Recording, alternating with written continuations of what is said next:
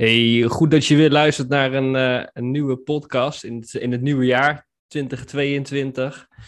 Um, vorige keer werd ik geïnterviewd door, uh, door Frankie. Uh, dit keer heb ik weer een, een leuke gast die ik ga interviewen. Dat is, dat is Claire, mijn, mijn business coach. Welkom Claire. Ja, dankjewel voor de uitnodiging Patrick. Ik vind het echt heel erg tof om hier te zijn. Zeker. En uh, nou ja, uh, ik ben gewoon heel erg benieuwd en zeker ook mijn, uh, mijn luisteraars. Vertel, wie ben je? kan je jezelf eens introduceren? En wat ook altijd heel leuk is om, om jouw verhaal eens te horen. Hè? Van, waar, ja, hoe ben je nou gekomen waar je nu bent?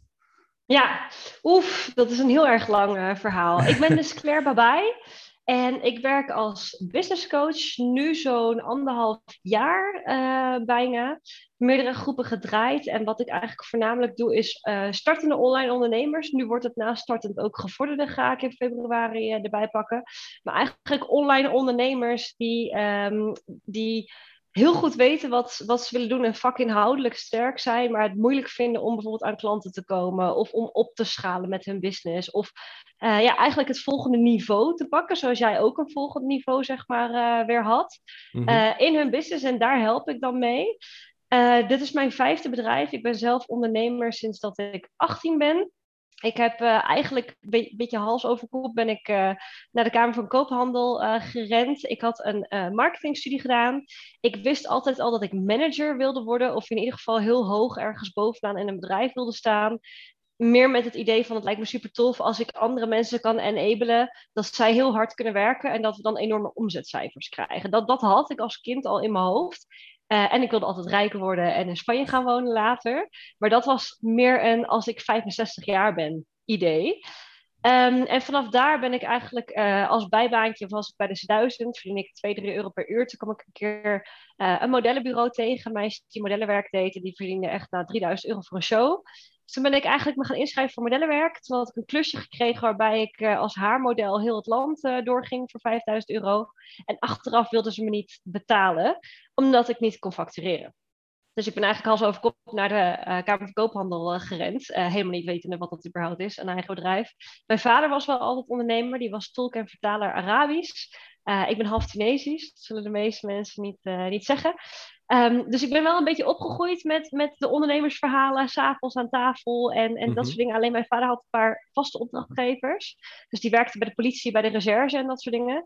En dat, dat was dan voor een freelance uurtarief. Maar eigenlijk was het een beetje verkapt in loondienst, af en toe met dat klusje erbij. En uh, voor mij begon het toen echt. Nou, toen heb ik een boekhouder in de hand genomen. En die zei: Ja, maar het is heel leuk dat je nu modellenwerk doet. Alleen als jij niet drie opdrachtgevers hebt, kan je net zo goed op de payroll staan.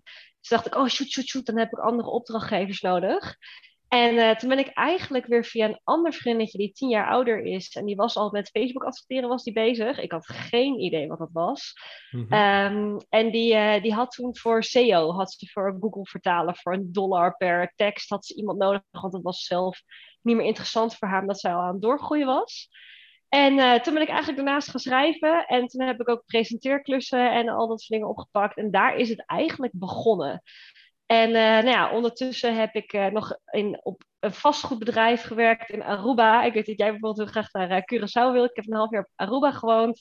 Ik heb nog bij de Nederlandse Bank gezeten. Minor in beleggen ondertussen nog gedaan. Want ik heel graag van de financiële wereld op wilde. Ik ben nog de Zuidas opgerold als sales consultant. En iedere keer bedacht ik in loondienst. Is dit het nou? En ik, ik, ik had nooit ik had ook nooit vrienden op werk of zo. Ik voelde me altijd zo'n buitenbeentje. Ik was altijd degene die s'avonds een boek ging lezen in plaats van met iedereen bier ging drinken, want ik drink eigenlijk geen alcohol. En ik voelde me altijd een beetje zo de, de, de, de, de, de Hermelien van, van Harry Potter, zeg maar een beetje de, de nerd van iedereen. Ik werd ook altijd een nerd genoemd. En ik, ik kon eigenlijk nergens aansluiting vinden totdat ik meer dat ondernemerswereldje inging. En zo is dat eigenlijk uh, begonnen lang verhaal, heel kort. Alsnog niet heel kort, maar... In, in een notendop, zeg maar. Ja, ja. ik vind dat wel mooi, want heel veel dingen die jij nu zegt, die herken ik ook bij mij. Uh, want ik had, ja. ik, had, ik had vroeger ook dat ik... Uh, ik wilde manager worden. Ik wilde gewoon inderdaad uh, hoog, hoog aan de top staan. Niet, niet voor het ego, maar meer inderdaad om anderen te kunnen inspireren, enabelen... en zorgen dat, dat je uiteindelijk mooie resultaten gaat behalen.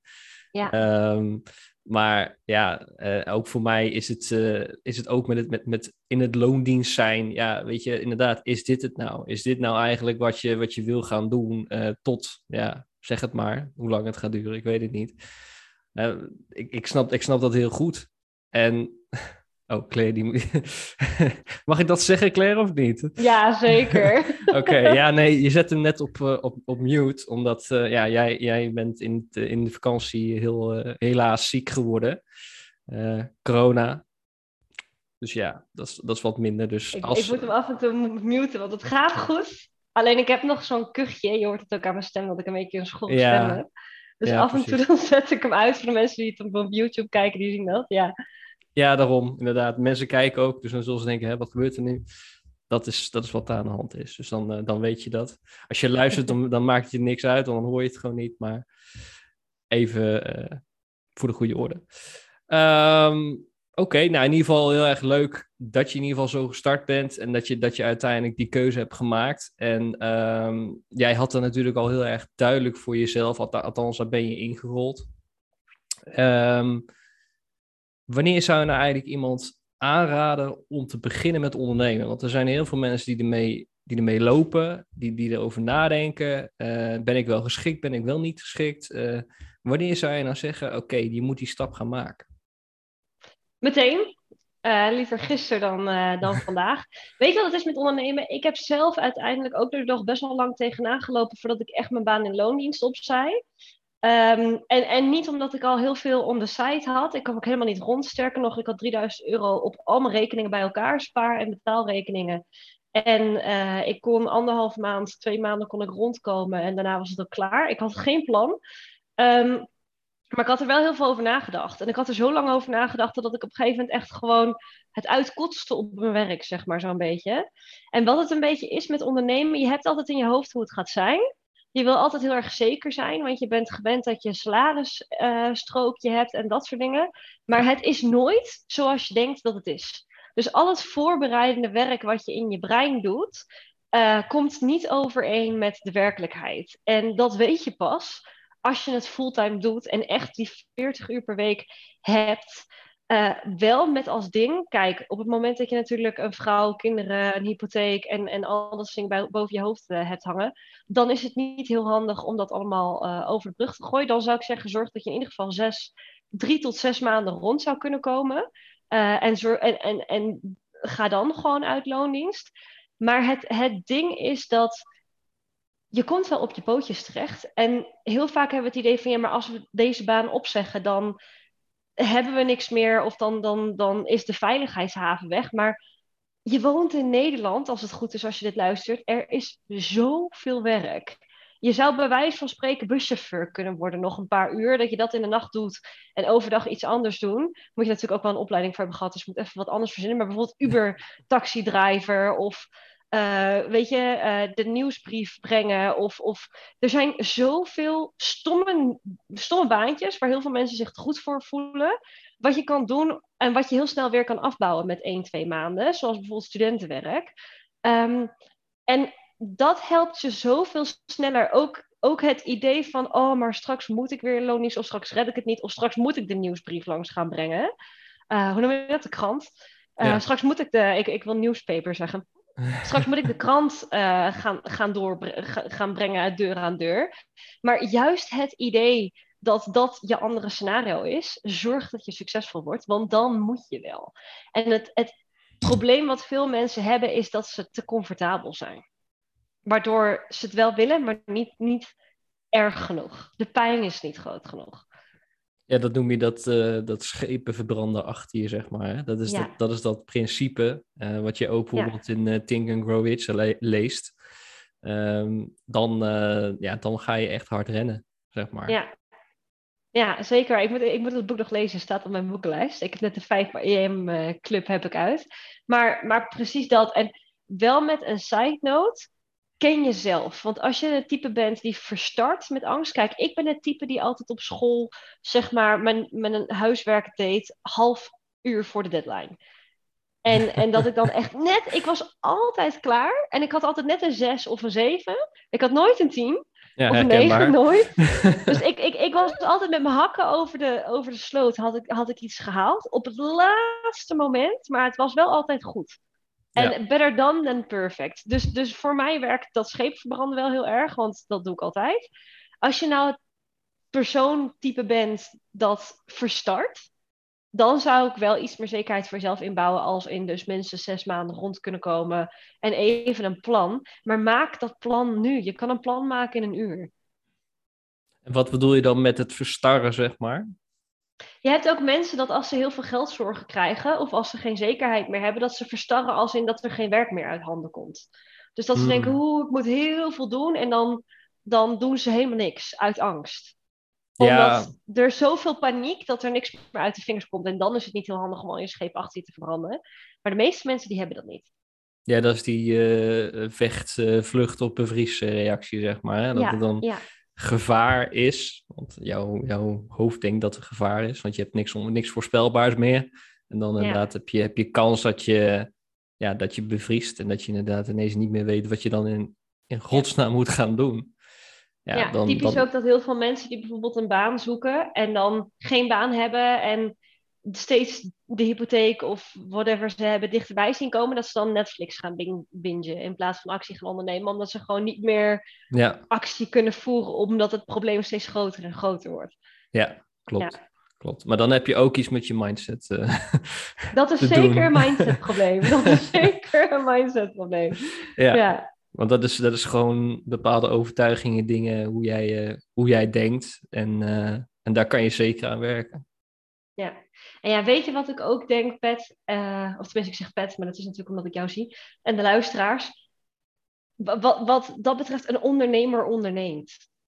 Dus je verzint wel iets op het moment dat het niet goed gaat. Ik, ik wil niet weten hoeveel dingen ik had. Ik deed dus modellenwerk en op een gegeven moment ehm, werd ik eh, per direct ontslagen bij Tommy Hilfiger omdat ik een motorongeluk had gehad. Ik rijd motor en ik had een heel, heel groot ei op mijn, eh, op mijn heup. Eh, echt van 1 of 2 centimeter. En iedere keer worden al die centimeters opgemeten. En toen moest ik iets anders gaan verzinnen. En toen ben ik als hostess aan de slag gegaan en als presentatrice. En daarna ging dat dan weer niet goed. En toen heb ik weer wat anders verzonnen. Ik heb nog een, een eh, hondenuitlaatservice gehad. Eh, toen heb ik nog honden getraind zonder certificering. Doe ik trouwens nog steeds. Heb ik, weet je, dus als ondernemer moet je ook in staat zijn om oplossingsgericht te denken. Bijvoorbeeld ook nu met, met COVID en hoe de wereld Ja. is. Weet je, als jij een fysieke praktijk hebt, zorg dat je het voor bent. En als je het niet voor bent, dat je een oplossing hebt, maar verzin iets online. Doe, doe iets, snap je? Maar, maar probeer iets te vinden dat je nu alvast geld kan krijgen. Want afwachten als ondernemer is vroeg of laat is je dood. Eh, en dat is zo. Dat ligt er maar net aan wanneer de externe omstandigheden veranderen. Maar als jij niet op de externe omstandigheden kan, kan aanpassen, ehm, dan, dan ben je de zaak. Klopt. Dus het is sowieso goed om dat zo snel mogelijk te doen. Want als ondernemer kom je natuurlijk ook wel voor hete vuren te staan. Want het kan nu heel goed gaan. En wat als niemand straks meer jouw beroep nodig heeft? Wat ga je dan doen? Ja, dat, en dat is ook het grote verschil met, eh, met, met in loondienst en, en met, met een ondernemerschap. Is dat je moet je, je moet je als ondernemer moet je continu aan, aanpassen eigenlijk. In, in loondienst kan je jarenlang hetzelfde blijven doen. Je krijgt toch wel je geld op je rekening. En als ondernemer heb je eigenlijk continu naar een volgend level te gaan. Ja. Om te zorgen dat je zelf gaat groeien, maar ook om te zorgen dat je aantrekkelijk blijft voor, eh, voor bepaalde klanten, bepaalde mensen eh, die jij graag wil helpen. Eh, want Ja. er zijn elke keer andere dingen, nieuwe dingen die je kan doen. En eh, dat zie je ook bijvoorbeeld nu met, eh, met social media. Je ziet ook heel veel TikTok en zo voorbij komen. Of eh, dat is ook allemaal weer zo'n zo'n rage. Ja, dan zijn er ook weer eh, coaches of andere online ondernemers die dat gaan doen. Ja. En daardoor ga je ook weer meer zichtbaar worden en groeien. Dus inderdaad, je hebt gewoon elke keer te kijken als ondernemer, wat, wat kan ik doen om te zorgen dat ik wel succesvol ben? Ja, en dat vooral ook van je markt af laten hangen. Want je moet ook de hele tijd analyseren. Het zou best wel kunnen zijn dat het programma wat je nu draait, of de dienst of het product wat je nu hebt, dat het volgend jaar helemaal niet meer interessant is voor mensen. Dus het is ook iedere keer feedback vragen, iedere keer je statistieken analyseren, iedere keer kijken of je weer wat anders kan doen, iedere keer kijken waar je aan kan passen, niet vanuit jou. Dus niet denken van, oh, maar ik vind dit leuk om te doen, dus doe ik dit. Nee, wat heeft je klant nodig? Wie bedien je? En wat kan je voor die persoon maken? Want uiteindelijk, in plaats van dat we zeggen, oh, hier hebben we een paar schoenen. Uh, waarschijnlijk koopt iemand wel dit paar schoenen. Is het, oké, wat voor schoenen vindt welke klant interessant? Oké, dit is een wandelaar. Oké, hoe kan ik zorgen dat ik dusdanig schoenen ontwerp dat het in de bergen handig is en dat ze het nodig gaan hebben? Dat is wat je doet als ondernemer. Want anders dan ga je uit van een lucky shot. Iemand koopt vast wel een keer mijn schoenen. Maar ja, die iemand die komt misschien helemaal niet langs de winkel. Terwijl als jij voor de persoon die wel langs de winkel komt, die je kent, iets aan kan passen, speciaal voor diegene, kijk, dan word je succesvol. Klopt. En dat is, dat is het principe probleem oplossen wat, wat waar jouw doelgroep mee loopt. Moet je natuurlijk wel eens weten wie je doelgroep is. Ja. Ehm, maar inderdaad, je, dat, dat zie je ook best wel veel, uh, veel mensen doen. Van weet je, uh, ik, ik, ik denk dat ze dit nodig hebben. Ehm, hè, dat zie je ook bijvoorbeeld met, met, met online cursussen, die heb ik ook wel eens gevolgd. En er staat er heel veel informatie in en heel veel dingen in waarvan ik denk, oké, moet ik dat weten? Of dacht jij dat ik dat moest weten, zeg maar. Dus ook, ook, daarin wil je heel erg oppassen dat je niet van, vanuit jezelf gaat denken. En um, ik, ik, ik ben nu ook bezig met een boek lezen, dat is uh, How to Win Friends and Influence People. Heb je waarschijnlijk nog niet gelezen? Oh, wel. Ja, die wel. Ja, zeker. Oké, en daarin staat ook hè, dat als je ook om, om, om mensen uh, ja, te beïnvloeden, en dat kan je verkeerd uh, uh, op, opvatten, of, hè, maar het is ook gewoon een manier om te zorgen dat je, dat je succesvol wordt, is om eigenlijk te doen wat die ander zou willen, niet wat jij wil. En dat, dat is een heel groot verschil. Maar ja, we, we win-win, hebben... want je moet het natuurlijk zelf wel leuk vinden, maar precies wat jij zegt, ja. Precies.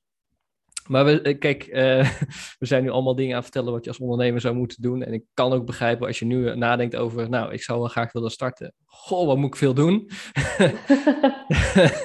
Laat dat je niet afschrikken. Uh, hoe zou je beginnen met ondernemen? Waar, waar moet je beginnen? Wat is de eerste stap? Want dat is natuurlijk ook heel erg belangrijk. Voordat je al die dingen kan gaan doen die we net hebben opgenoemd, zul je eerst en ergens moeten beginnen. Ja, Vind ik wel leuk dat je het zegt, want voor de meeste mensen denk ik, dat vul ik even in, maar wat ik heb gezien is de eerste stap inschrijven bij de Kamer van Koophandel. Een hele originele naam bedenken waar niemand ooit op gevonden kan worden. En uh, je website maken. Dat is wat de meeste mensen doen. En dat visitekaartjes. wat je niet moet doen. En visitekaartjes. Dat is precies wat je niet moet doen in dit stadium. Dat zeg ik er wel eventjes bij. Het eerste wat je eigenlijk moet doen is bedenken wat je zo ontzettend goed vindt, dat je er zo vaak over praat, dat je geliefde, je geliefde zeg maar, je vrienden, je familie, uh, iedereen om je heen vindt dat je daar je mond over moet houden. Dat is je passie.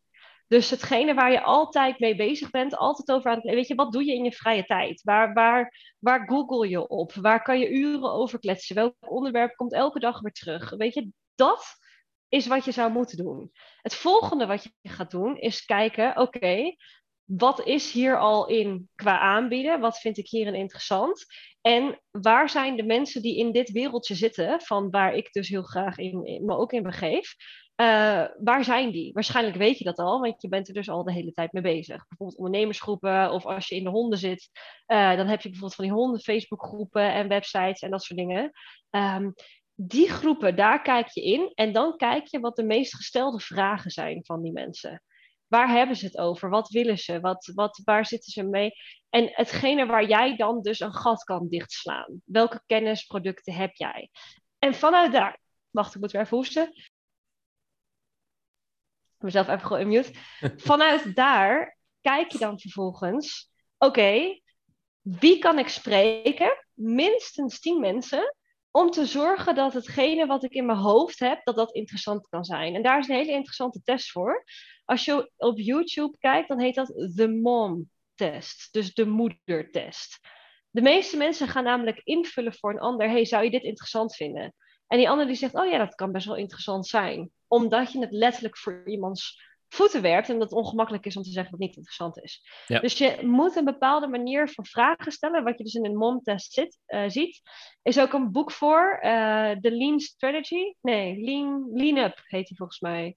Lean Up Strategy. Kom ik nog op terug, dan kan je dat misschien in de beschrijving van de podcast uh, zetten. Mm -hmm. um, en vanuit daar ga je eens kijken, oké, okay, hoe ga ik vragen stellen aan die mensen? Nou, vervolgens spreek je minstens 10 tot 15 mensen voor je marktonderzoek. En vanuit daar ga je denken, oké, wat is het woord hier van wat ik nu ga doen, wat het meeste wordt gezocht? En dat wordt je naam. Of je eigen naam wordt je naam, maar maak iets wat heel makkelijk te googlen is. En dan ga je beginnen waarbij je eerst gaat verkopen. En aan de achterkant ga je dan in 20% van je tijd je website maken en al dat soort dingen meer. Maar je kan al verkopen van producten en diensten, wat je dan ook hebt, voordat je alles klaar hebt staan. Want zo verlies je geen tijd. Anders heb je een website te maken en visitekaartjes te maken en naar die Kamer van Koophandel te gaan, ben je weer drie maanden verder en dat is zonde. Ja, dus, dus dat is eigenlijk hoe ik het zou doen. En hoe begin je dan met dat verkopen? Hè? Want ik, dat zijn ook heel veel mensen die zeggen van ja, leuk, maar wat moet ik dan, wat moet ik dan doen? Ja, hè? hoe werkt dat? ja, nou als het goed is, ken je dan dus al je markt. Want het is een beetje tussen aanhalingstekens, het is dom om iets te gaan doen waar je zelf geen kennis van hebt. Bijvoorbeeld dat je nu denkt, oh, laat ik uniformen voor piloten gaan verkopen, terwijl je echt helemaal niks met de luchtvaart uh, industrie hebt. Dat, dat is natuurlijk niet heel intelligent. Dus doe iets in het groepje waar jij al in begeeft, waar je dus al heel veel informatie over weet. Uh, en wat het dan is, is dus die vragen, die onderzoeksgesprekjes, zijn eigenlijk al een soort van verkoopgesprekken. Want verkopen is niets meer dan vragen waar de pijn ligt, meedenken en uiteindelijk je aanbod aanbieden aan alles wat loopt, ademt en beweegt. Maar vooral in het groepje waar jij dus in wil zitten. Iedereen spreken, iedereen over je plannen vertellen. Ook al faal je misschien, je wil niet weten hoe vaak ik heb gefaald. Dus mensen onthouden dat toch niet. Heel veel mensen denken nu bijvoorbeeld, oh Claire is een succesvolle business coach. Niemand weet alle pogingen van dingen die ik daarvoor heb gedaan. Waarvan heel veel is gelukt, maar meer is mislukt. Ja, nou, dat is een heel mooie brug. Ja, ik wist dat je me dit ging vragen. Want ja, inderdaad, um, je ziet heel vaak uh, coaches en, en, en nou ja, allemaal, allemaal andere online ondernemers en zelfs uh, de, de, de, de, grote goeroes, de Jarawan en nou, noem het maar op. Uh, grote auto's, grote, grote huizen, nou, succes alom. Maar inderdaad, elke ondernemer maakt fouten. Want als je geen fouten maakt, ga je niet, succesvol worden. Je moet een keer op je bek gaan, je moet een keer weer opstaan en, en weten, oh, dat moet ik volgende keer niet doen. Wat is dat voor jou geweest? Wat is voor jou jouw grootste tegenslag geweest? Mijn grootste tegenslag nu, en dat was meer een externe fout, dat was dat mijn Instagram-account werd geblokkeerd, waarvan ik er eentje nog steeds niet terug heb. Maar ik heb zoveel dingen gedaan. Ik heb bijvoorbeeld op een gegeven moment heb ik presentatiewerk gedaan. Uh, waarbij ik werkte met een uh, bureau die mij moest uitzenden. Die moest me toen uitzenden naar Limburg. Maar mijn studenten-OV die deed het niet meer. En toen, uh, ik schaam me nog steeds voor. Toen heeft die vrouw tegen mij gezegd: Ah, maar dan leen je toch gewoon het OV van, van een vriendin die op jou lijkt. En die had ik niet. Dat vond ik ook, weet je, ik was echt zo'n zo'n vriendin die niet, uh, niet tegen de regeltjes inging. Dus ik durfde absoluut niet het OV van iemand anders te vragen. En het was letterlijk de dag voor de klus. Mhm. En uh, het was best wel goed betaald, de klus ook. Het was ook voor een grote opdrachtgever. Volgens mij was het voor Nescafé of iets. Ik zou echt met directeuren en zo werken en koffie aan hun geven. En dat als hostess een beetje leuk lopen doen. Een hele grote beurs. En uh, toen heb ik gezegd, ja, dat ga ik niet doen. En wat belachelijk. En wat zijn jullie onprofessioneel. Toen ben ik op staande voet ben ik eruit gezet. Hele slechte naam heb ik gemaakt. Uh, daar, dus dat, dat was iets. Um, ik heb bij Mini Cooper heb ik gewerkt en toen moest ik de showauto's moest ik, uh, verkopen. Uh, en dan moest ik ook zelf in zo'n showautootje rond gaan lopen, gaan rennen de hele tijd. En toen was ik ook de hele tijd met klanten aan het praten en dingen aan het vertellen over auto's en dat soort dingen. En toen ben ik per ongeluk een keer over de concurrent begonnen. Um, was ook niet heel handig. Ben ik ook meteen uitgezet. ik, heb, uh, ik heb echt heel veel dingen gedaan. Ik heb heel veel fuck-ups gehad met Facebook-advertenties. Toen ik een eigen bedrijf en hondenwaterflesjes um, had. Uh, waarbij ik echt totaal dacht, nou weet je, ik ga adverteren, lekker op de promotenknop klikken in plaats van bij het advertentiecentrum van uh, Facebook duizenden euro's uh, weggegooid geld. Ik heb via AliExpress dropshipping gedaan, waarbij ik dus het flesje meteen van AliExpress naar de klant liet komen, waarbij letterlijk AliExpress de sticker AliExpress erop had gezet, terwijl ik uh, vier keer meer geld vroeg dan uh, dat het flesje waard was. En niet tegen de leverancier had gezegd dat ze dat niet moesten doen. Uh, dus heel veel slechte naam daar ook weer voor. Ik heb zoveel fuck-ups gehad. Wat heb ik nog meer allemaal gedaan? En als coach? Ik denk dat als coach, moet ik eerlijk zeggen, ik doe het nu anderhalf jaar. Ik heb niet het idee dat ik hier hele grote dingen in heb gehad. Behalve dat ik op een gegeven moment tegen mensen heb gezegd van... joh, weet je, je kan, uh, je kan een call kan je inplannen. En dat kan je inplannen... Oh ja, dit is er wel één. Dat kan je inplannen wanneer je wilt. Dus uh, we hebben gewoon een traject. Je hebt zes calls en je plant dat wanneer je wilt in. Als jij vakantie hebt, dan gaat al die tijd erbij op. Als ik vakantie heb, gaat al die tijd erbij op. Ook niet kijken wanneer iemand dat moest doen. Uh, waardoor één meisje, die was echt, nou, ik denk acht maanden van de radar. En die had ik toen voor 1250 euro. Maar ik had heel veel calls. Dus volgens mij uiteindelijk kwam het echt meer op 30 euro per call. Terwijl ik nu echt iets van uh, eh, 500 euro of zoiets daarvoor heb. Voor als je een kick-off met mij wilt. En die kwam toen na een jaar kwam ze nog aan dat ze al de calls nog te goed had. Terwijl ik totaal geen tijd had. Dus dat was s'avonds doorwerken tot 11 uur s'nachts. En uh, op de blaren zitten, want ik had het beloofd. Zonder algemene voorwaarden werken. Um, goh, weet je, ik had ik als, als coach nog niet heel veel nare dingen heb gedaan. Maar ik denk dat het komt omdat ik al zoveel jaar aan ervaring heb van arrogantie en denken dat ik alles beter wist de jaren daarvoor. Wat heb ik nog meer als coach voor fuck-ups gehad? Mensen niet serieus nemen als ze zich niet gehoord voelen in het begin, denk ik. Dus als iemand bijvoorbeeld een, uh, een andere manier van coaching heeft, ja. um, waarbij ze zeggen: hey, ik zou het prettig vinden als jij wat directer bent in je aanpak, uh, dat dan niet doen. En daardoor een slechte uh, klik hebben met iemand, omdat Weet je, uiteindelijk, iedere klant is anders te coachen. En ik heb bijvoorbeeld dat ik heel hard kan zijn tegen jouw pet, maar dat ik bijvoorbeeld bij iemand anders weer wat voorzichtig moet zijn, omdat ze anders in huilen uitbarsten. En dat is denk ik de grootste struggle die ik als coach heb, van hoe coach je nou je mensen? Mm-hmm. Want de businessstrategie vertellen, dat weet ik wel, maar hoe ga je nou met mensen om? Ja. En wat ik heel snel wel heb geleerd, is dat als iemand niet tevreden is over die manier, dat je dan rustig daarnaar luistert en dat je dan tot een oplossing komt, want daarmee kan je een ontevreden klant hartstikke tevreden krijgen. Um, dat, dat, dat is denk ik op coachingsvlak. Maar ik denk dat de jaren daarvoor, dat ik voornamelijk uit arrogantie en uit ego denken van ja, maar ik, ik kan dat wel en ik doe dat wel en dat komt allemaal wel goed. Mm -hmm. en, en het denken dat het vanuit mijn idee beter was, dat ik daar heel veel fouten mee heb gemaakt. Ook dat mensen je echt niet aardig vinden en zo, omdat je het via jouw manier wil doen. En ja. dat is echt in, wat ik dus zei, bijvoorbeeld zeggen van ja, maar ik ga dit niet doen, want wat zijn jullie voor een professioneel bedrijf? Weet je, gewoon een grote mond hebben, dat is de grootste fout die je kan maken als, uh, als eigen baas. Want iedereen denkt, ja, maar ik ben eigen baas, ik bepaal alles zelf. Maar je bent nog meer afhankelijk van anderen dan, uh, dan, dan, als je geen eigen baas bent. Want je hebt dus een goede band en een goede naam nodig. Ja. ja, ik denk dat dat het denk ik wel is. En ik was, ik moet eerlijk zeggen, ik was ook 18. Niet dat ik nu zo oud ben, maar dan denk je ook, ja, boeiend, ik weet toch wel beter. weet je wel, dat, dat is wel de grootste fout. Ja, ja. Ik denk ook wel dat dat een beetje een eigenschap moet zijn van een, van een, van een ondernemer. He, dat, je, dat, je, ja. dat je dat je dat ja. wel, dat je dat vleugje wel hebt van, ja, maar weet je, ik, ik, kan dit, ik kan dit wel, ik kan het ook zelf en ik ga het ook doen. Uh, want ik herken ook heel erg inderdaad grote mond. Uh, ik heb hem heel vaak gehad. En inderdaad, dat komt gewoon keihard terug. Ik heb ook een keertje, ja. uh, ben een keer afwassen geweest ergens. En dan was mij beloofd dat ik achter de bar mocht gaan staan. En op een gegeven moment zei ze dat het even niet kon. Toen zei ik, ja, je hebt dat beloofd, weet je. Ik ga of achter die bar staan, of, weet je... Oké, okay, dan hoef je niet meer te komen. zeg maar. of niet. Ja, weet je, het kan...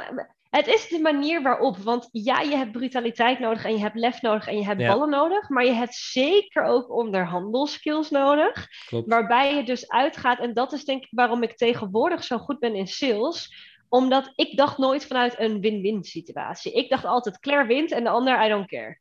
Dat, dat was een beetje mijn, mijn strategie, zeg maar. En dat helpt je dus verre van. Um, en, en juist het bedenken van een win-win situatie, of dus de ander pleaser, wat je ook al zei in het boek, How to Win Friends and Influence People. Ik heb heel veel aan het boek gehad. Ik heb dat denk ik vier jaar geleden gelezen. Um, juist het, hoe verwoord je het dusdanig vriendelijk, En kan je er eigenlijk voor zorgen dat de andere persoon het antwoord geeft of doet wat jij wilt, puur door vragen te stellen op een bepaalde manier. Dat helpt, want het is de manier waarop je dingen zegt en hoe iets overkomt. En dat is in relaties, dat is in business. Weet je, ik bedoel, als ik iets wil van mijn vriend, dan kom ik nu met mijn poezelige oogjes aan en dan ga ik hem vragen stellen en dan ga ik hem zo aankleden dat het voor hem heel fantastisch lijkt om dat te doen, waardoor ik mijn zin krijg. Dat klinkt even heel naar, maar het is wel hoe het werkt. Terwijl als ik mijn zin doordram, krijg ik ruzie. Ja. En, en dat, dat is die, dat nuanceverschil. Je kan hetzelfde krijgen als je het op een andere manier communiceert. En die communicatie over het algemeen is mijn grootste fuck-up altijd geweest. Dat dat me niet boeide. Dat ik altijd dacht, ja, maar het interesseert me niet. It's my way or the highway. En zo liet ik dat ook overkomen, waardoor de ander dat zo voelde. Waardoor dat was, ja, maar Claire, dat yo, niet, zeg maar. En, en dat is denk ik het grootste. En ik denk dat dat coachen mij ook heel erg heeft geleerd. Want heel eerlijk, jullie coachen mij meer, heb ik het idee, dan dat ik jullie coach. Want ik leer er zoveel van als persoon ook. Met de feedback die je van, van je klanten krijgt. En daarin is het, het communiceren, het kijken hoe kan ik iets zeggen. Waardoor mensen zich wel aangemoedigd en geapplaudiseerd voelen. Maar wel weten dat ze dingen mogen verbeteren nog. Mhm. Want ik heb als coach bijvoorbeeld ook al eens gehad. Dat is wel grappig, als de andere man in mijn groep, Thomas. Uh, Thomas is heel goed in wat hij doet. Is een van mijn andere klanten ook. En die, uh, die is zelf coach en die is zelf best wel direct. Dus ik had het idee, oh, ik kan heel goed en direct ook met hem zijn. En op een gegeven moment zei hij ook, want ik vroeg hem om een review. En bij een review vraag ik ook altijd naar feedback. En toen vroeg ik hem aan het einde van het eerste traject, en hij heeft gelukkig wel verlengd, heeft hij uh, dat tweede traject vroeg ik hem van, wat, wat zou ik beter kunnen doen? En toen zei hij, je zegt altijd alles wat fout is. Maar je geeft nooit eens een keer een compliment. Terwijl Thomas een van mijn beste klanten uh, was, die, die de, dingen het snelste inlevert, het uh, heel hard groeit met de back-end. Dus in mijn hoofd was hij heel goed bezig en gaf ik hem heel veel complimenten. Maar omdat ik hem mhm. naar perfectionisme aan het drijven was, bijna zeg maar, zei ik iedere, iedere keer gaf ik als hij iets inleverde iets terug van, ah, dit kan je nog verbeteren. Want er is altijd wel iets wat beter kan. En ik dacht, als hij het inlevert, wil hij een verbeterpunt. Terwijl hij had ook gewoon heel vaak behoefte om gewoon te horen, het is goed, je hoeft niet nog een versie te maken. En dat had ik niet door. Snap je? Dus ik dacht, oh nee, je levert hem weer in en dan kan dit weer beter. En dan kan dit weer beter. En dan kan dit weer beter. Terwijl hij dus van, het is nooit goed. Ik doe alles fout. Op een gegeven moment zei ik, heb het gevoel dat ik gewoon echt een mislukkeling ben. Omdat altijd er wel iets is. En toen dacht ik, oh shit. Dat, dat is zo niet hoe ik het in mijn brein heb. Maar schijnbaar komt dat wel zo over. En, en, en dat is gewoon heel interessant om te zien. Want onbewust geef je dan een onzeker persoon heel veel complimenten. En iemand die zelf dat helemaal niet is, die voelt zich onzeker door jou, omdat je dat dan weer niet doet. Niet dat Thomas echt onzeker was, maar hij zat er wel mee. Snap je? Dus dat, dat, dat soort dingen, dat, dat, dat is heel interessant om te zien. Thomas is ook coach, dus dat is voor hem ook weer interessant om dan dat voor mij weer te leren voor zijn eigen klanten. Mhm. Maar die wisselwerking, die communicatie, ik denk dat dat nog steeds hetgene is waar ik de meeste fouten in maak. Ja, Maar communicatie, uh, het klinkt zo makkelijk, maar dat is het eigenlijk helemaal niet. Wow, nee, Want ja. Uh, communicatie is eigenlijk overal. En, en, dat, en dat is, want je, je hebt eigenlijk altijd drie gesprekken die gaande zijn. Het gesprek dat je tussen iemand hebt, het gesprek dat je in je hoofd hebt, ook vier trouwens. Het gesprek wat jij in je hoofd hebt en uh, wat wij samen hebben, zeg maar. Dat, en, en dat is continu. En je kan, uh, je kan ergens van uitgaan dat iemand het heeft begrepen, maar als je die vraagt, dan weet je het niet. En dat is inderdaad hoe bepaalde dingen kunnen overkomen aannames, eh, ik zeg altijd check je aannames, zeg maar. Ja. Want aannames, dat is echt, dat is, ja, dat is een dooddoener. Dat gaat, dat gaat niet, uh, niet werken. In ieder geval niet, uh, niet, niet, niet binnen, binnen het coachen. En ook niet binnen, binnen het ondernemen. Want als je dat ook met leveranciers doet, dan heb je ook gewoon een pro groot probleem. Ja, en daarom is het ook zo belangrijk om feedback te vragen, hoe eng dat ook is. Want de feedback die je soms krijgt van mensen die eerlijk zijn, wat je natuurlijk heel graag wilt, dat is niet altijd fijn om te horen. Ik heb bijvoorbeeld ook wel eens gehoord dat ik een sales, deed een sales pitch en dan was ik best wel een beetje opdringerig. En dat wist ik ook van mezelf. Um, maar ik dacht, ja, ik ga het nu doen om, om het te laten zien. Uh, en vervolgens dat iemand dan uh, tegen mij had gezegd dat ze mij als persoon helemaal niet prettig vond. En dat ze me heel erg doordrammerig vond. En dat zei ze ook recht in mijn gezicht. Nou, zie dan maar eens je, je poker, want hoe ga je dan in een videocall je gedragen? Uh, of bijvoorbeeld dat iemand heel erg aan het twijfelen was. En toen had ik net van mijn eigen coach gehoord dat ik te lief was in, uh, in hoe ik mensen benaderde. Dus dat ik te veel mijn klanten aaide en zo. Yeah. Uh, en dat ik, dat ik wat strenger moest zijn om beter, niet om een betere band te krijgen met mijn, met mijn klanten, maar om betere resultaten met mijn klanten te krijgen. Dus toen ben ik wat strenger weer geworden. En dat is heel erg zoeken naar wie ben je als persoon en wie ben je als coach. Ja. Want ik wil altijd heel vriendelijk zijn. Uh, maar soms dan als coach heb je gewoon iemand even te laten breken, zoals dat heel hard klinkt om te zorgen dat ze weer wat gaan doen. En toen had ik een salesgesprek en die vrouw die had, was ingestapt, factuur, alles klaargemaakt. En toen weer niet, want haar man stond er dan niet achter. Maar dat hadden we tijdens het gesprek al gedaan. En toen weer wel en toen weer niet. En toen heb ik een, een voice memo gestuurd, waarvan ik dacht dat hij best wel vriendelijk was.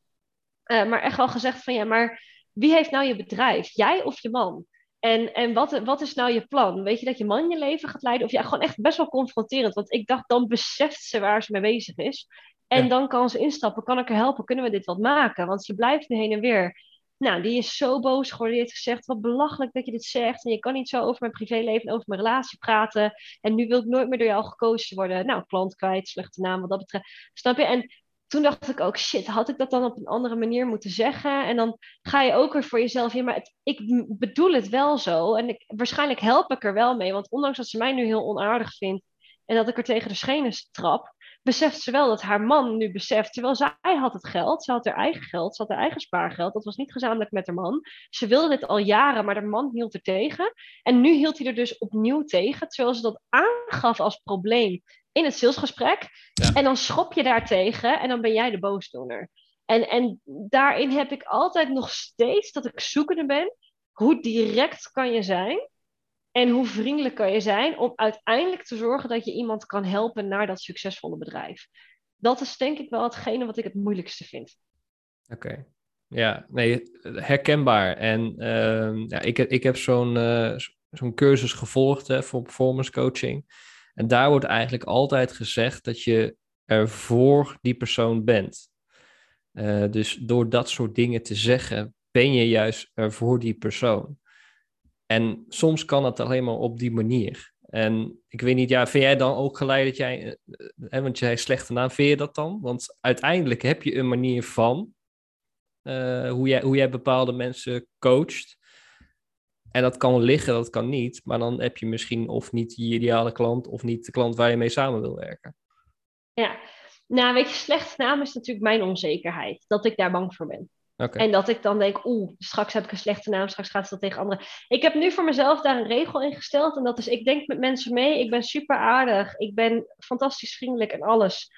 Tot ze klant worden. En als ze klant worden, zeg ik ook, ik ben hartstikke lief voor je, maar ik ga ook eerlijk tegen je zijn. En ik begin nu eigenlijk pas met coachen op het moment dat iemand betaalt. Daarvoor, ja. in het onboardingsproces of in de sales calls, ben ik nu heel vriendelijk. En ik, ik zeg soms wel eens, hey, ik zou het op deze en deze manier doen.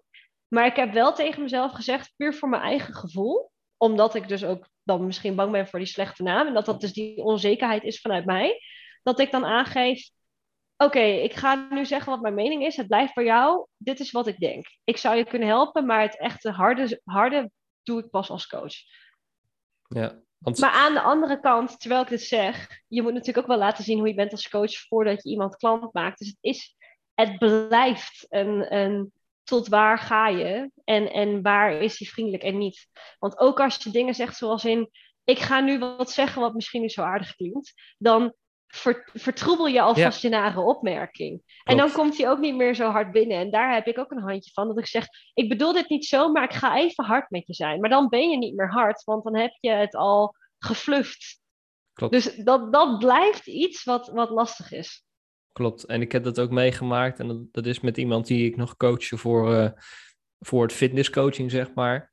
Uh, ook, ik, ook ik kan wel eens hard zijn. Um, dat doe, doe, ik ook met de reden, want als ik, als ik merk dat je continu, ja, dat noem ik dan de slachtofferrol zit en uh, alles buiten jezelf plaatst waarom dingen, bepaalde dingen niet gebeuren, terwijl je altijd moet kijken naar wat kan ik zelf doen, um, dan ga ik daar ook wel hard, hard tegen in.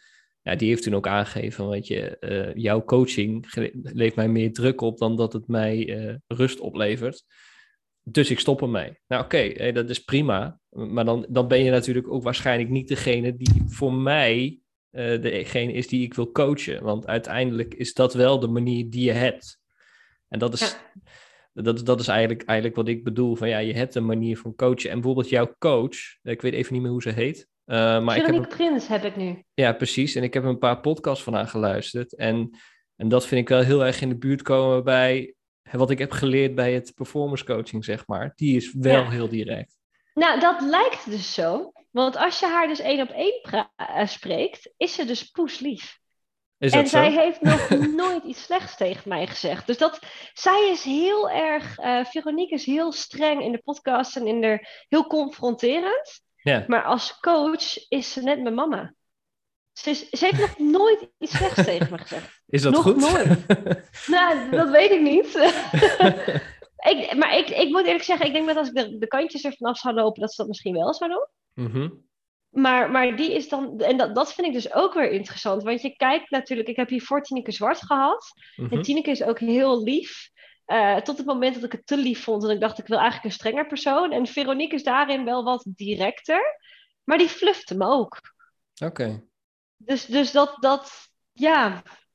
En weet je wat ik wel denk? Jij zegt bijvoorbeeld wel, het is ook een coachingstijl. Dat klopt. Maar ik ben wel een beetje van mening dat je dus je stijl aan de hand van de persoon die je tegenover je hebt kan, kan aanpassen. En als ik voor mezelf kijk, mijn vriend is bijvoorbeeld ook heel streng. En dat is niet mijn mhm. coach, maar het is natuurlijk wel mijn vriend. En bijvoorbeeld nu ben ik aan het leren golven. En hij heeft bij de top 10 golfers in Spanje gezeten. En hij is het type persoon dat dus altijd ook een verbeterpunt heeft en dus nooit een compliment geeft. Dus hij zegt niet goed gedaan, maar het is mhm. gewoon dit en dit en dit kan je anders. Dus wat ik weet uit de coaching is, je kan iemand drie dingen tegelijkertijd geven en dan is het brein vol. Zeker als je bijvoorbeeld een fysieke sport doet. Met golven heb je bijvoorbeeld je rug op een bepaalde manier te houden, je armen en iets anders. Tuurlijk heb je dan ook nog 80 andere dingen te doen. Maar dat, dat kan niet tegelijkertijd. Ik bedoel, je kan op drie dingen tegelijk letten en dat is nog veel. En dan had ik net die drie dingen en dan had ik net die verdomde bal de goede kant opgeslagen. En dan keek ik om met, zag je dat? dat en dan was het, je had je arm op deze en deze manier. En dat, dat is het volgende verbeterpunt. We gaan door met de volgende drie dingen. Dat ik denk, nou. En ik merkte dat op een gegeven moment heb ik een half jaar niet gegolfd. Omdat na het golven voelde ik me waardeloos. Ik voelde me slecht, ik voelde me kut, ik voelde me de meest slechte golfer op de hele aarde. En, en ik ga niet goed op iemand die me alleen maar commentaar geeft. Terwijl het is wel een stijl. Mm Snap je? Maar voor mij werkt dat niet. En dan zou ik denken, ja, heeft hij dan andere mensen. Ik denk dat niemand daar goed op gaat. Nee. En ik heb het dus onbewust dan dus ook dat bij Thomas gedaan. Maar ik denk dat uiteindelijk is het per persoon voelen en kijken wat ze kunnen gebruiken. En dat, is het moeilijke, hè? want dat vertellen ze je dus niet. Nee, klopt. Dat, inderdaad, dat, dat, dat, dat wordt vaak niet, uh, niet gezegd. En ik denk dat iedereen inderdaad wel eens een keer wil horen dat het goed is. Uh, iedereen is op zoek naar bevestiging en dat ze, dat ze een goede, goede kant op gaan. Dat doe ik ook zeker in mijn coaching hoor. Want dat, uiteindelijk, als je dat niet doet, ben je alleen maar aan het bashen en dat is ook niet echt leuk. Um, maar inderdaad, soms is het wel gewoon dus nodig om even wat harder op te treden. Um, maar niet voor jezelf, omdat je dat leuk vindt, maar echt voor die ander. Ja, ja dat klopt. En ik heb de meest dankbare sms'jes gekregen, of WhatsAppjes, Mhm. Nadat ik iemand helemaal heb laten huilen. Dat ik ook echt dacht, huh? Ja, ja.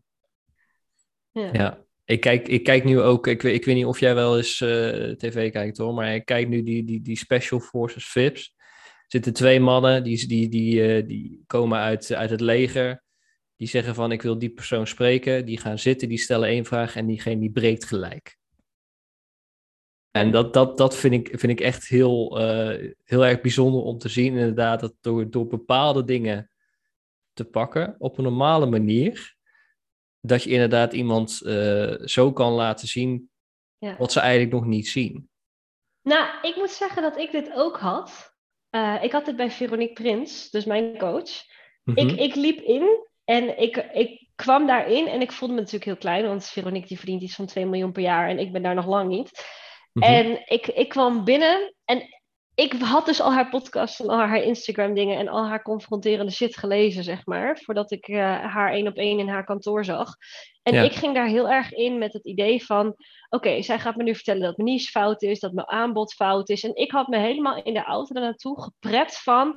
Oké, Claire, wees een sterke meid. Alles wat ze tegen je gaat zeggen, dat kan je veranderen. Je wil groeien, dus je hebt nu daar doorheen te gaan. En ik kwam binnen en ze keek mij aan. Ze gaf me een knuffel. En ze, ze zette me op armlengte en ze zei: Claire, wie zorgt er voor jou? Tranen al over. nooit verwacht. Nooit verwacht. Maar ook zij prikte er meteen doorheen dat ik het type vrouw ben dat altijd laat zien dat ik alle ballen in de lucht heb, dat ik en een goede relatie heb en hier woon en een goed bedrijf en dit en dat. En, maar eigenlijk dat ik diep van binnen uh, best wel veel problemen heb. Wat zij dan bijvoorbeeld ook wist. Weet je, met mijn familie zijn er best wel veel dingen gaande en zo. En daar zat ik zo erg mee. Alleen ik ben het type persoon dat hoe slechter ik me voel, hoe harder ik werk. Want mhm. werken is voor mij altijd een uitvlucht geweest. Het is altijd het enige geweest waarin ik extreem goed was. En ik heb best wel een nare jeugd gehad. Maar als ik dan goede cijfers had of, of mijn bedrijf lopende of wat dan ook, dat, dat voelt voor mij als een soort van gratification van zie je, ik ben goed genoeg. En dat is een jeugdtrauma waar ik natuurlijk ook aan heb gewerkt en al dat soort dingen meer. Maar het idee dat iemand door jou heen kan prikken en kan laten zien van hé, hey, jij bent heel goed bezig. En dat doe je omdat je beter wil worden en beter wil worden, omdat je dat voor jezelf nodig hebt om te kunnen zeggen dat je goed genoeg bent en om jezelf waardevol te kunnen voelen. Maar wie zorgt er voor je? In één keer. En, en dat, dat is een goede coach die je daarin kan laten breken. En dat is misschien ook waarom Veronique tegen mij misschien nog nooit iets snaars heeft gezegd. Want ik doe dat wel tegen mezelf. En ik denk dat ze dat weet. Ik denk dat, ze weet dat, dat, dat, ik, dat ik toch wel doorren. En dat, dat ik het juist nodig heb dat iemand zegt: Het is niet nodig dat je nu dit gaat verdienen. Het is niet nodig dat iedereen je fantastisch vindt. Het is niet nodig dat je er altijd bent. Mm Ga er even uit. En dat is, dat is denk ik wat ik dan juist nodig heb. En, en mensen die dat zien, dat is een kunst hoor. Ja, en dat vind ik dus ook zo bijzonder inderdaad. Eén vraag. En bijvoorbeeld daar stel ze vraag: Wie ben je nou eigenlijk? Oh, hoor je mij niet meer?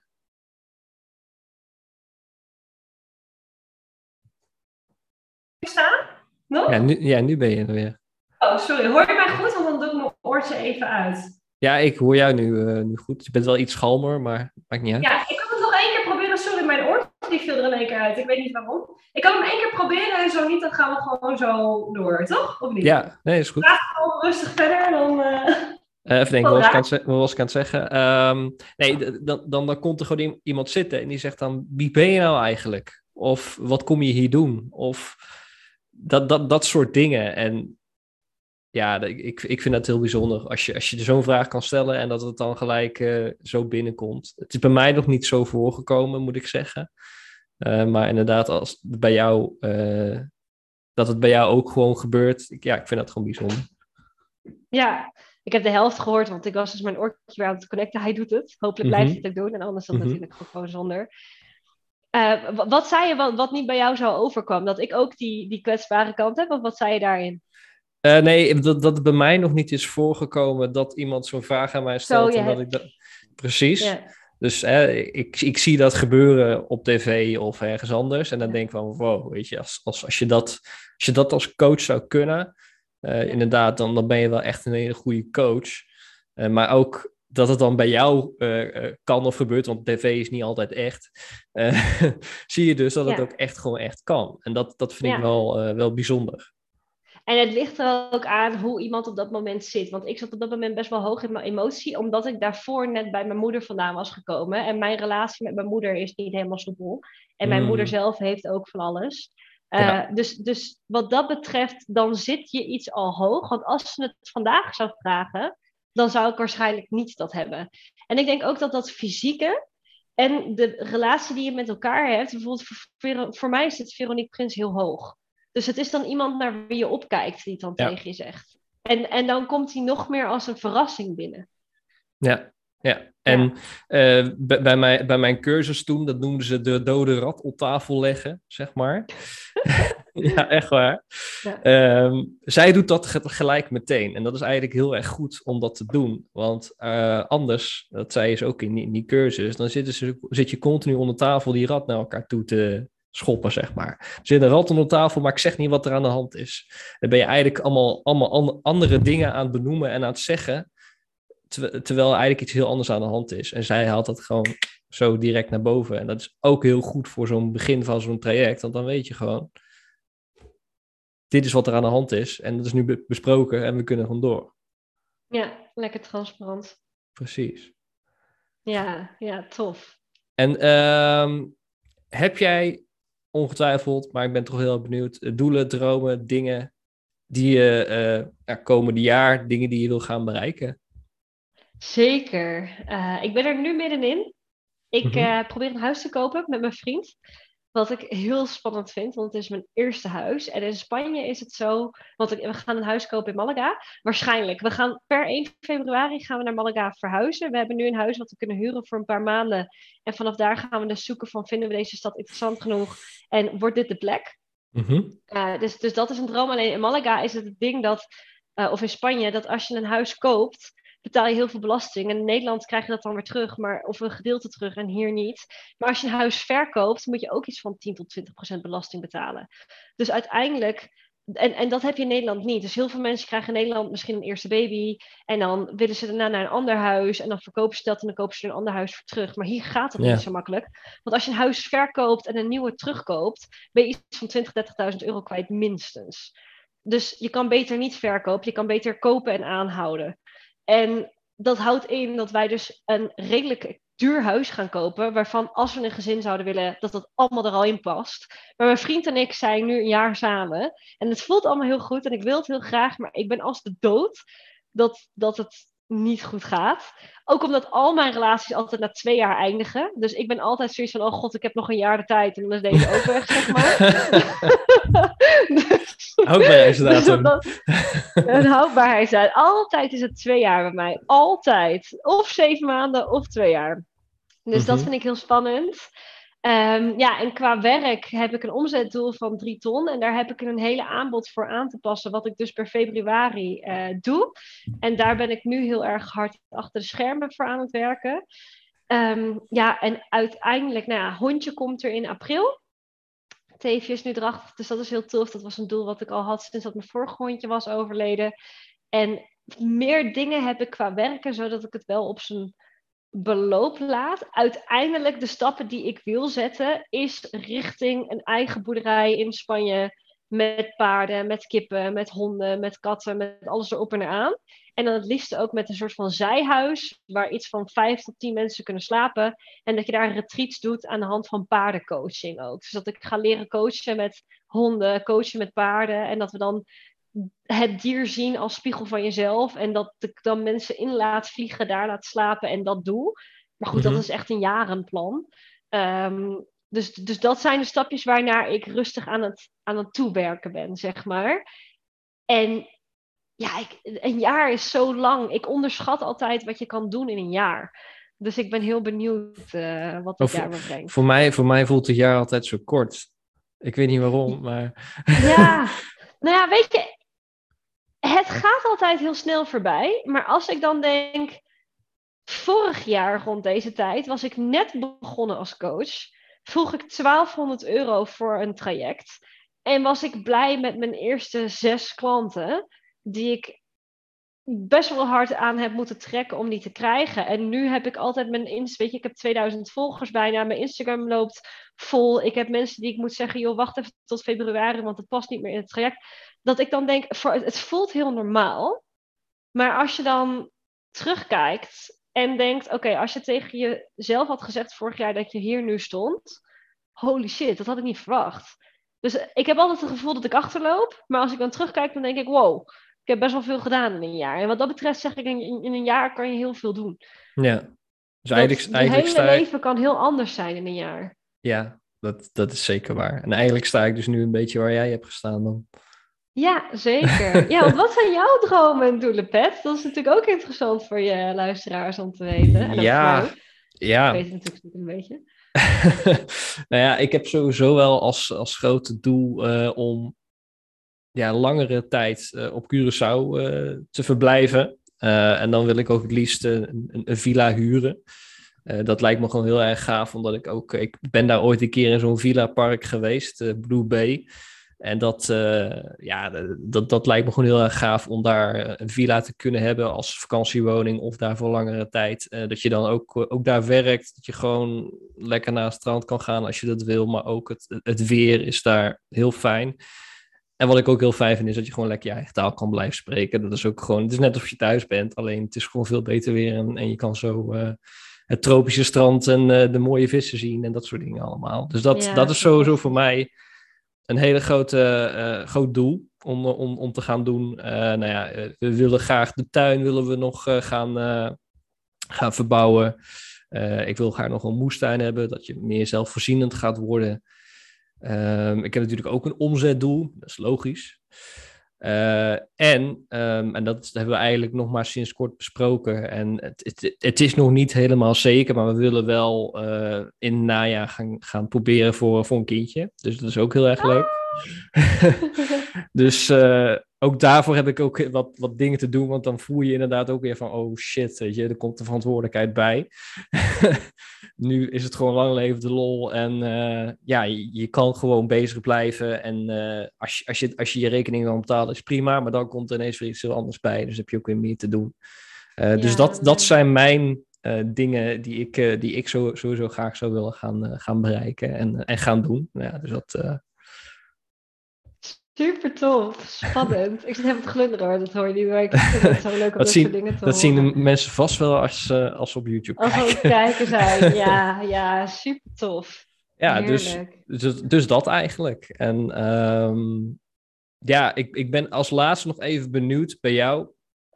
Vraag ik aan iedereen die, uh, die, die ik eigenlijk interview. Wat is jouw mooiste verhaal van een klant wat je zou kunnen delen? En dan qua, als in, uh, qua successen die ze hebben bereikt, of qua wat?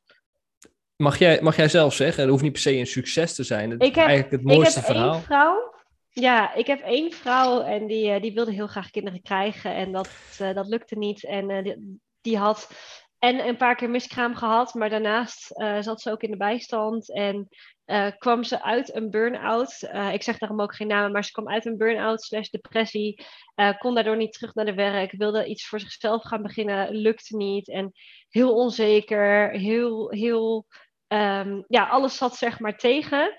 En die is toen echt, nou, met echt een termijnbetaling, dat, dat doe ik dus ook niet meer, maar dat was dus ook wat ik toen deed. Echt een termijnbetaling van echt iets van 20 termijnen um, over de maanden verspreid, zeg maar. Uh, is hij toen ingestapt omdat ze het echt niet kon betalen. En toen heeft ze al mijn tips opgevolgd en echt ja, dat, dat, dat, allemaal meteen gedaan. En uiteindelijk heeft ze dus dingen verkocht en is ze dus de eigen sales um, kunnen doen. Ik zeg ook niet wat ze doet, want jij weet waarschijnlijk dan wie het is. En um, toen toen op een gegeven moment kon ze, kon ze dus een beetje rondkomen van haar eigen bedrijf. Nog niet heel goed, maar het, het, dingen kwamen binnen.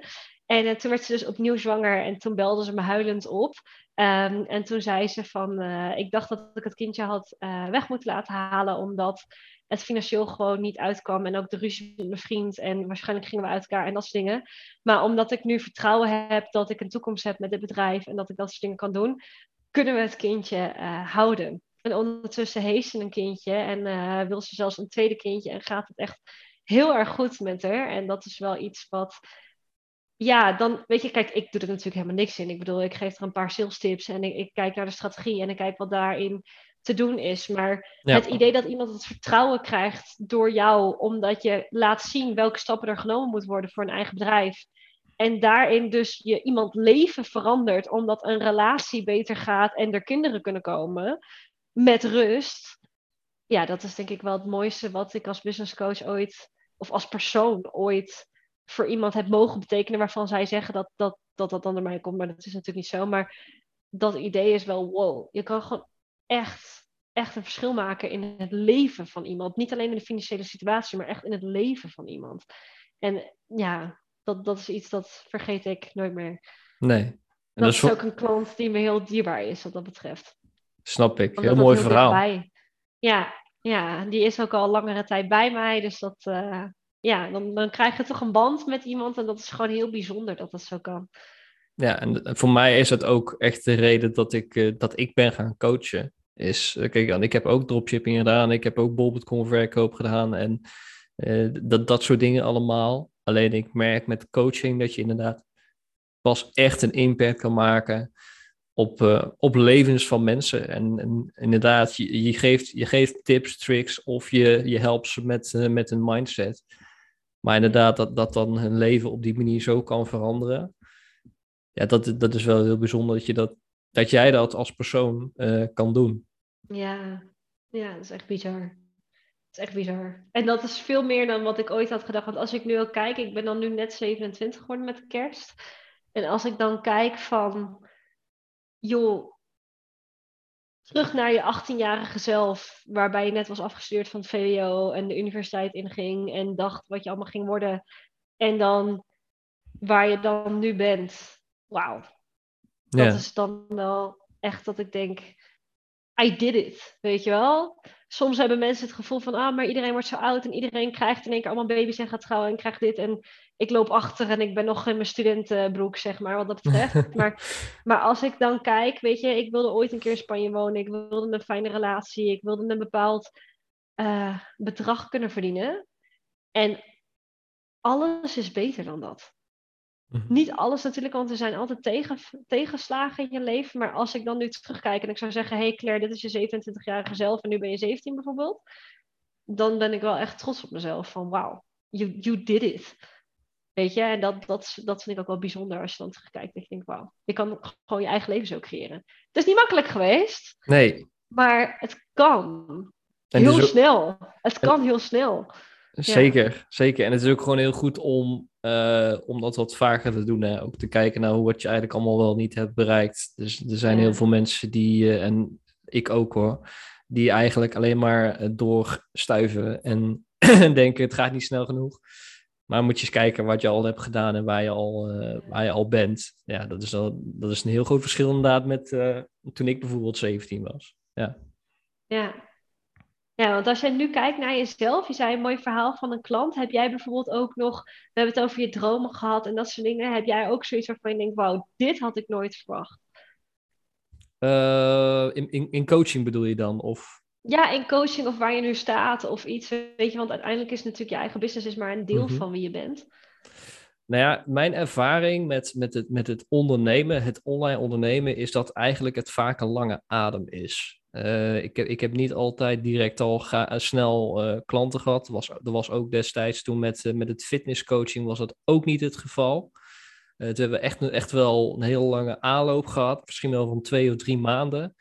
En nu had ik eigenlijk toen ik bij jou instapte, na een paar weken eigenlijk al wel uh, mijn eerste twee klanten. En dat, dat, ja, dat, dat, dat vind ik wel, dat had ik niet verwacht. Ik had niet verwacht dat het zo snel zou gaan dat je ja, je eerste klanten hebt en dat je dan al gelijk aan de slag kan gaan.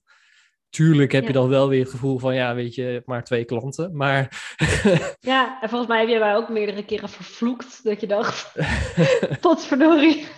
Ja, dus, dus, dus je, je, kijk, natuurlijk, je gaat wel door, alleen je zit soms ook wel in je hoofd van, weet je, ik wil gewoon die stappen maken. En soms dan, uh, dan lukt dat nog niet echt. Maar dan is het ook wel gewoon goed om terug te kijken van, inderdaad, uh, je hebt nog nooit zo snel klanten gehad. Ja. Ja, bizar, hè? Ja. Mooi. Ja, en, en ik vind dat ook wel heel anders dan dat je klanten hebt als een dropshipping of een bol.com. Want ja, kijk, een bol.com, daar kijken mensen op, die zien de producten als ze nodig hebben, niet bestellen. Maar met, met coaching heb je eerst een gesprek, moeten ze vertrouwen in je krijgen, moeten ze geloven dat jij ze kan helpen. Nou ja, als dat op zo'n korte termijn al kan, hè, de, dat je dat kan laten zien en dat, de, dat mensen daar jou het vertrouwen in geven, dat vind ik wel uh, bijzonder.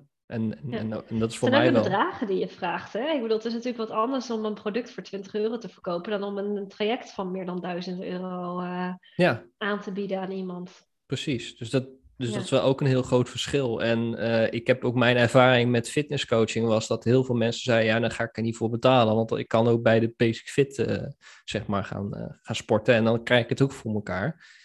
Maar je merkt wel dat hier inderdaad mensen wel bereid zijn om, om er geld voor uit te willen geven. En dat is, dat is ook, eh, had ik ook niet in eerste instantie niet echt verwacht. Omdat ik, omdat ik gewoon niet beter weet dan wat ik toen met fitnesscoaching deed. Ja. Dus dat. Ja, mooi. Mooi. Wat je zegt, wat, en dat is met geld ook, dat je dat moet verbreden. Ik bedoel, ik ga nu 6500 euro voor het zes maanden traject vragen. En dat is degene waarmee je één op één kan eh, werken. Eh, nu deze maand, januari, dan nog voor 32,50. Maar als ik daarin ook kijk, weet je, het idee dat je 32,50 vraagt. Vroeger had ik gedacht, ben je gek? Maar dan heb je ook een mentaliteit, dan zit je in loondienst. Ja. En dan weet je hoe lang het duurt om zelf 3250 euro bij elkaar te sparen. En dan denk je, dat zou ik nooit uitgeven. Terwijl nu geef ik, eh, ik geef duizenden euro's uit aan mijn eigen coaching. Waarvan Mhm. ik ook nooit had verwacht dat ik dat zou doen. Maar het is anders omdat het een investering is voor je bedrijf. Je kan het aftrekken, je krijgt het meteen terug. Of tenminste, je krijgt het meteen terug als je ervoor werkt. Je krijgt je Ja. investering terug. Ja. Dus, dus je hele mindset wordt inderdaad ook anders. Waarvan je van tevoren dacht, nou, dat heb ik nooit verwacht. Ja. En andere mensen hebben die andere mindset dus al. Ja, Wat inderdaad. dus je klanten zijn. Ja. Precies, precies. Dus dat, dat is heel fijn dat je die mensen al eh, snel kan vinden. En eh, ja, mijn, mijn, mijn doel, en ik hoop ook dat ik zo, eh, als, ik, als we straks over een jaar zijn, want dat is bij jou nu ook een beetje, hè, dat, dat, ik ook, dat ik dat ook heb. Dat ik ook inderdaad, Ja. ja, echt... Gaan we voor werken. Zeker dat je dat dan hebt. nou, dat zou mooi zijn. Ja. Hey, en eh, afsluitend, hè? want jij vroeg dat ook aan mij, hè, dat ik dat voor jouw eh, kijkers zou doen, maar ik wil dat ook voor mijn eh, luisteraars doen. Wat bied je aan? Dat heb je net al een beetje verteld. Waar kunnen ze jou vinden?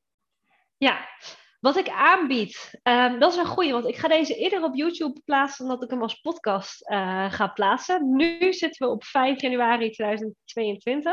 Ja. Ik heb nu een coachingstraject van 3250 euro. En dat is echt als je drie maanden zeg maar voor eh, bezig wil gaan. Je bent eh, startende ondernemer als in je verdient tot met 3000 euro, eh 4000 euro omzet eh, per maand. En je wil echt gewoon hard gaan groeien. Dat kan je nu nog doen. Als je luistert na 1 februari, dan heb ik eh, twee keer een aanbod. Of creëer je droombedrijf in eh, drie maanden, wat dat ook is, alleen dan in groepsvorm. Dus dan help ik je, dan kijk ik ook je website teksten, je strategisch aanbod en al dat soort dingen na. Maar je hebt geen één op één coaching van me, echt in de groep. eh, met praten bedoel ik dan, zeg maar met videocalls, dat is meer Q&A's. Wordt een stuk goedkoper, wordt 1950 euro, zo uit mijn hoofd. Ehm, en de andere is eh, Level Up, heet het nu, maar ik denk dat ik een breakthrough eh, ga noemen. Heel veel mensen hebben al een, een, een naam die Level Up heet. En dat wordt zes maanden en dat is 6500 euro, zo uit mijn hoofd dat ik hem ga doen. En dat is echt voor als je gewoon verder bent. Je hebt je omzet, je komt rond, alles gaat prima, je krijgt je klanten, maar je wilt nu echt gaan opschalen, passief inkomen, et cetera, creëren. Dus dat, dat worden de twee eh, producten die ik dan heb. Mhm. Eh, en er komt natuurlijk nog veel meer eh, bij. Ehm, je kan me vinden op Claire Babai. Mijn achternaam spel je B-A-B-A-I. En ik heb een Instagram-account, een Facebook-account, een LinkedIn-account, een Spotify-account en een YouTube-account. En dan zijn we er denk ik wel. dus, eh, dus wat dat betreft ben ik overal te vinden. Of op mijn website www.clairebabai.nl Of je e-mailadres Ja, heb je ook nog. ja, of claire.clairebabai.nl. ja, maar niemand mailt mij ooit. Iedereen bericht mij altijd via Instagram of dat soort, eh, dat soort dingen. Maar goed, je kan me ook mailen. Dat klopt. En mede wordt vaak wel als een, eh, als een grotere drempel gezien dan even een berichtje op Instagram, merk ik. Ja, grappig is dat. De enige die mij ooit meteen heeft gemaild als klant is Lizzie. Die kwam in mijn inbox, die zei, hey Claire, ik wil klant worden. Toen kreeg ik echt een mail, toen dacht ik echt, huh? Is dit spam? Waarom gebeurt dat via de e-mail? Ja. Ja. Hey, en jou, waar kunnen ze jou vinden? Wat bied je nu aan? Ehm, nou ja, wat ik nu aanbied zijn eh, in eerste instantie twee trajecten. Eh, dus ik heb het eh, online businessplan. Dat is, eh, dat is 350 euro.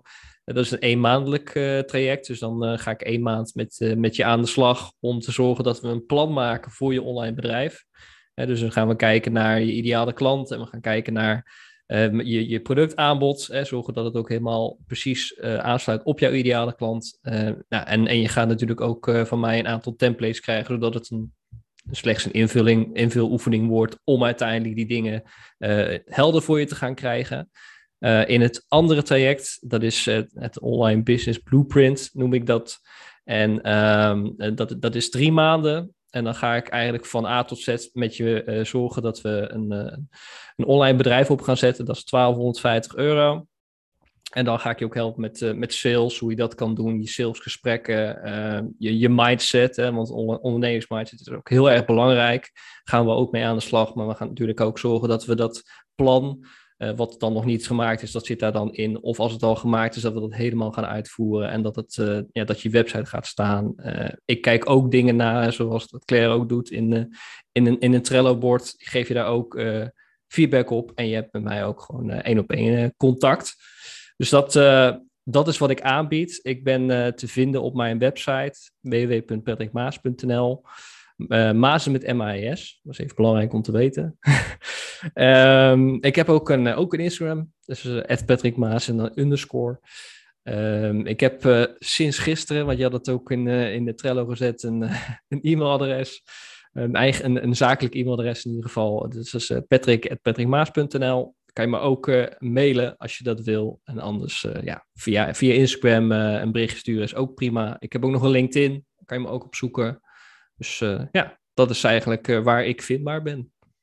Ja, top. Nou, dankjewel Patrick. Ik denk dat het een heel waardevolle podcast, een hele lange podcast, maar een hele waardevolle podcast was. Ja, een hele kwetsbare ook. ook. Ja.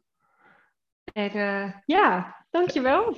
Ja, jij ook bedankt. Ik, ik denk inderdaad een hele waardevolle podcast. Uh, en, en ook ja, fijn dat je, je je kwetsbaar wil opstellen natuurlijk. Uh, daar ook bedankt voor. En nou ja, ik hoop gewoon dat jij als luisteraar de volgende keer weer, weer luistert. Uh, volgende keer misschien weer een interview, weet ik nog niet. Maar in ieder geval tot de volgende keer.